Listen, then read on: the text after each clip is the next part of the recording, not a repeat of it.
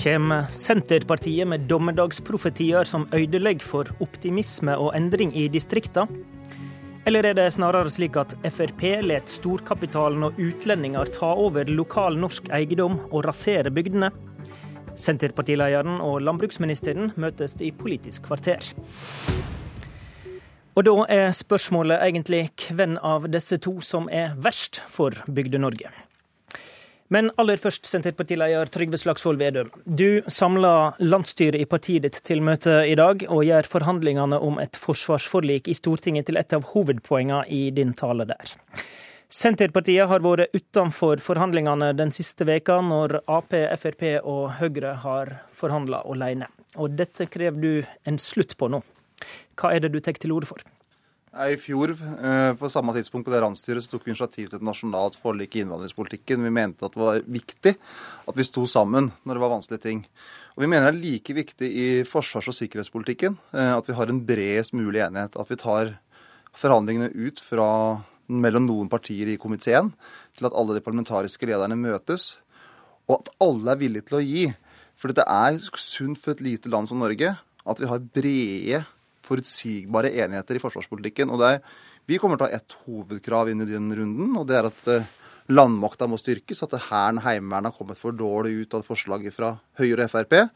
Og så håper jeg da at også regjeringa uh, er villig til å gi og se at det er sunt for landet vårt at vi har en bred enighet, ikke en smal enighet. Du vil løfte dette, altså. Men du sier at Senterpartiet både vil prioritere annerledes og øke forsvarsbudsjettet. Hvorfor skal de store partiene ha interesse av å høre på det når de har flertall for uh, sine uh, prioriteringer i investeringer i fly og ubåter, og mener pengebruken er riktig?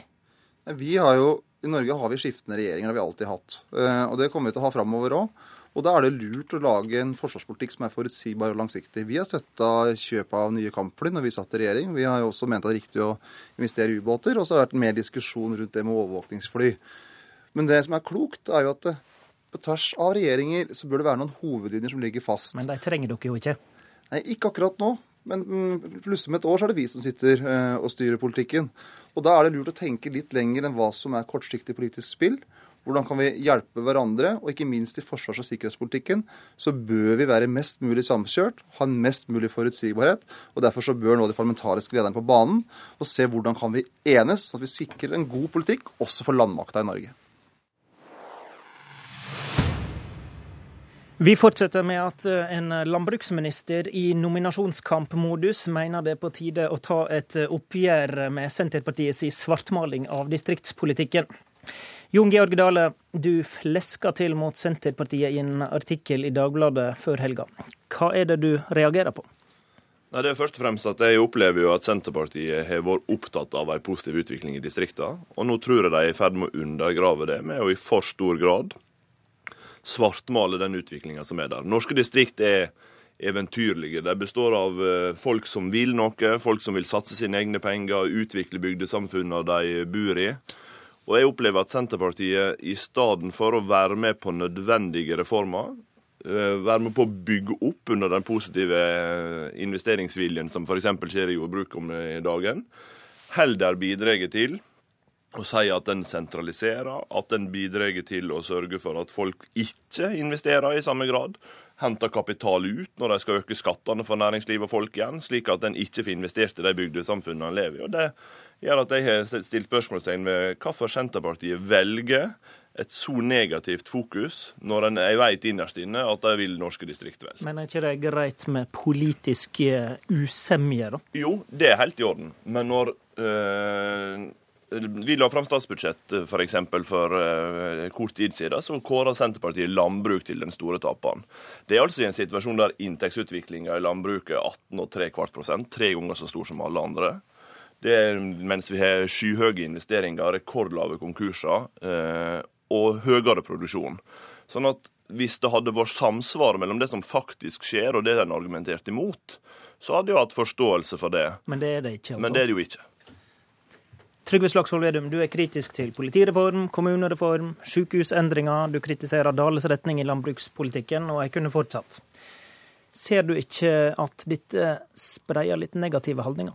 Det er jo utrolig flott det landet vi har. Altså, vi har levende lokalsamfunn rundt omkring i hele Norge. Og der det er skoler, der det er sykehjem, der det er politi, der det er et bredt spekter av tilbud. Men det som regjeringa nå gjør, er jo at på område etter område så svekker det de lokale tjenestene. Og Det handler ikke om å svartmale Norge, men det handler om at vi skal si hva som faktisk skjer.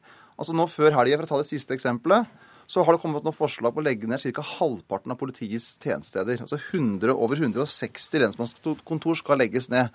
Og da blir det dårligere tjenester. Dere har kalt det nærpolitireform, men det er en fjernpolitireform. Og Det samme har vi da sett på sykehus, f.eks. i ditt hjemfylke, hvor mye bråk det skaper når det blir, når det blir uro rundt eh, sykehusene. Vi har sett det på kommunereformen. Vi ser det på, nå, på skattekontor, der regjeringa foreslår å legge ned 50 av landets eh, skattekontor.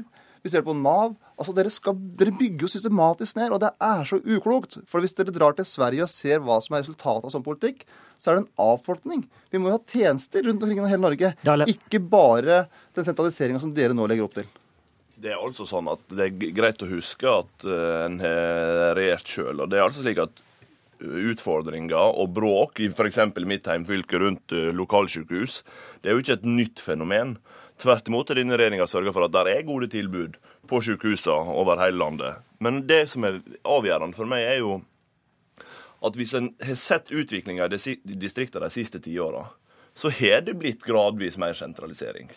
Og motvekta til det er å sørge for at det er attraktive arbeidsplasser i distriktene som gjør at folk, unge folk gjerne, som flytter ut for å studere, faktisk søker seg hjem igjen til arbeid. Og Da handler det om så grunnleggende ting som at du ikke jobber på et kontor hvis du er den eneste med samme fagutdanning. Derfor er reformer nødvendig. Vedum, ser du bort fra at reformene kan faktisk styrke offentlige tjenester og næringsgrunnlaget i distriktene? Men det er sånn nytale fra regjeringa. Altså man har kalt da f.eks. politireformen en nærpolitireform. Og så er det eneste vi ser, er sentralisering, massiv nedleggelse av kontor i alle fylker okay, utenom ett. Så, så du ser det... bort fra at reformene kan styrke tjenestene?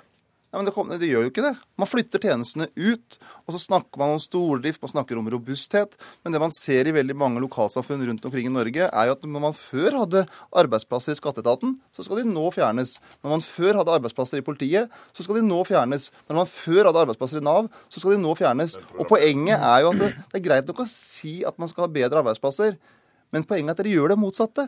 Helt systematisk så lager dere såkalte mer robuste og store enheter. og det gjør at man fjerner arbeidsplasser lokalt, og det er synd. Det er vel helt reelt, Jon Georg Dale, at eh, politireformen fjerner arbeidsplasser fra lensmannskontor på små steder, og at kommunereformen kan fjerne jobber på rådhuset? Det er definitivt sånn at når vi tilsetter 1000 flere politifolk i denne regjeringsperioden, så er det å sørge for at det er flere politifolk ute i gatene. Det er altså sånn at Når du oppsøker eh, kommunehuset ditt i dag, så er det greit at du skal møte folk der. Men du skal møte folk som kan faget sitt, som jobber i et fagmiljø som gjør at de blir stabil arbeidskraft over tid. Men det gir, det gir vel ei, ei eh, slags lokal sentralisering, da, om ikke annet? Det gir samling av kompetanse i regionene, i kommunene der folk bor, i stedet for at vi stadig ser på at en ikke evner å gjøre de nødvendige endringene som skal til, og til sjuende og sist så havner alt enda lenger vekk. Og det, det, det Senterpartiet i realiteten nå er for, når de motarbeider alle reformer som er nødvendige, og som jeg tror de må innse at det er nødvendige, det er varige løsninger på det. kan bli sterkere sentralisering enn både jeg og Senterpartiet ønsker.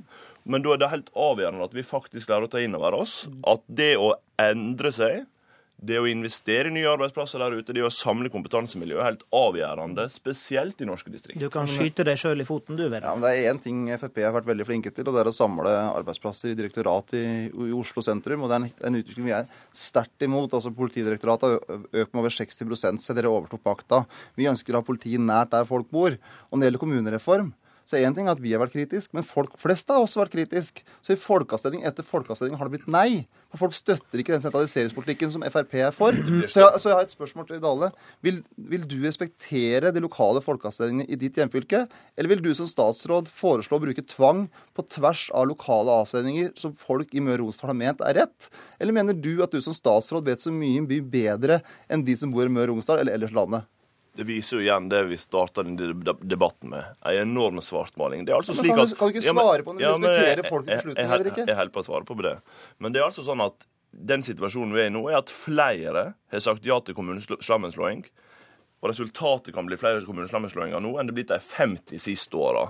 Det prøver du stadig å framstille som et knefall, men det er faktisk positiv endringsvilje der ute i mange kommuner. Jeg mener Det viktigste vi skal gjøre, er å fortsette å bygge opp under de lokale prosessene.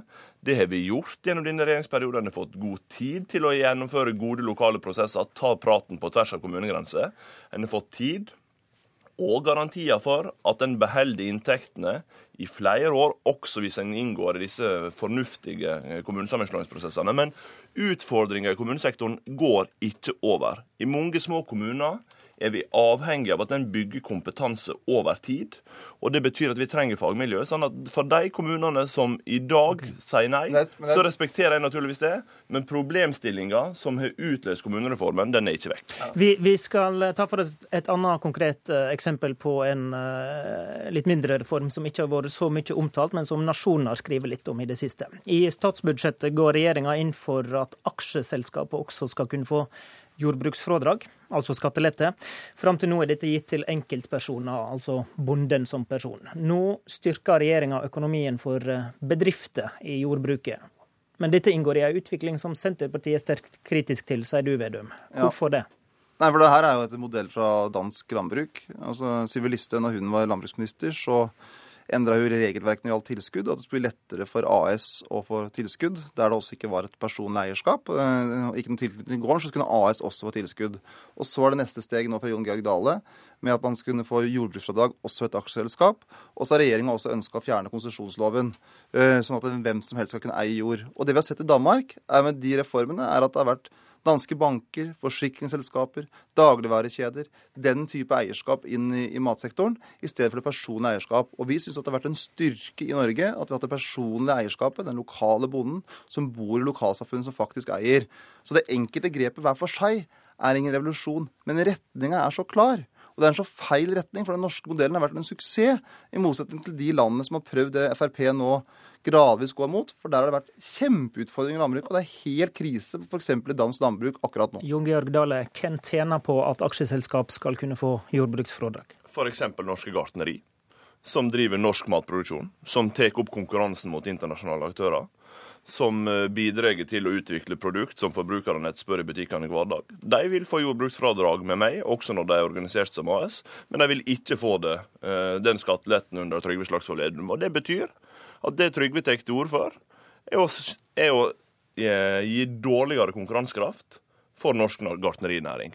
Det er overraskende for meg. Men her er bukravet eh, for å få dette fradraget fjerna. Altså kan du drive, eller få det uten at du bor på gården. Og da er vi vel på vei eh, bort fra enkeltbonden og over til konsernjordbruket? Det er jo slik at en del av de store gartneriene ligger ikke eh, på de klassiske tuna på Vestlandet, men de ligger i større områder, på, gjerne på egne tomter. Det er likevel norsk matproduksjon.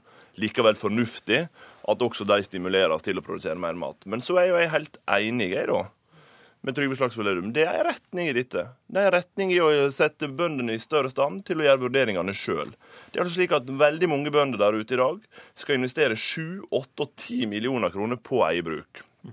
I stedet for at de får ta opp noe av den gjelda f.eks. gjennom å ha uh, drifta si i et aksjeselskap, så må de altså ta opp alt som personlig gjeld. For mange er det en hemsko for å gjøre nødvendige investeringer på egen bruk for å sørge for at de kan utnytte den kapitalen som ligger der, og for å sørge for at vi kan ha matproduksjon over hele landet. Det er akkurat det som har skjedd i Danmark. At det har gått fra at det er en person i eierskapet, til at forsikringsselskaper, banker, storkapitaler eier dansk matproduksjon. Og Det er en feil retning. Og Hvis du leser høringsinstansen som har kommet til Landbruksdepartementet og regjeringen, så er det advarsel etter advarsel etter advarsel at det dere legger opp til, er et mer industrilandbruk. Og Norge er ikke et land for industrilandbruk. Vi er et land for et matproduksjon spredt over hele landet, i store og små enheter. Men det er også det er veldig mye norsk jordbruk som blir drevet på leid jord. og Baserer ikke du politikken din da på en illusjon om den sjøleigende bonden?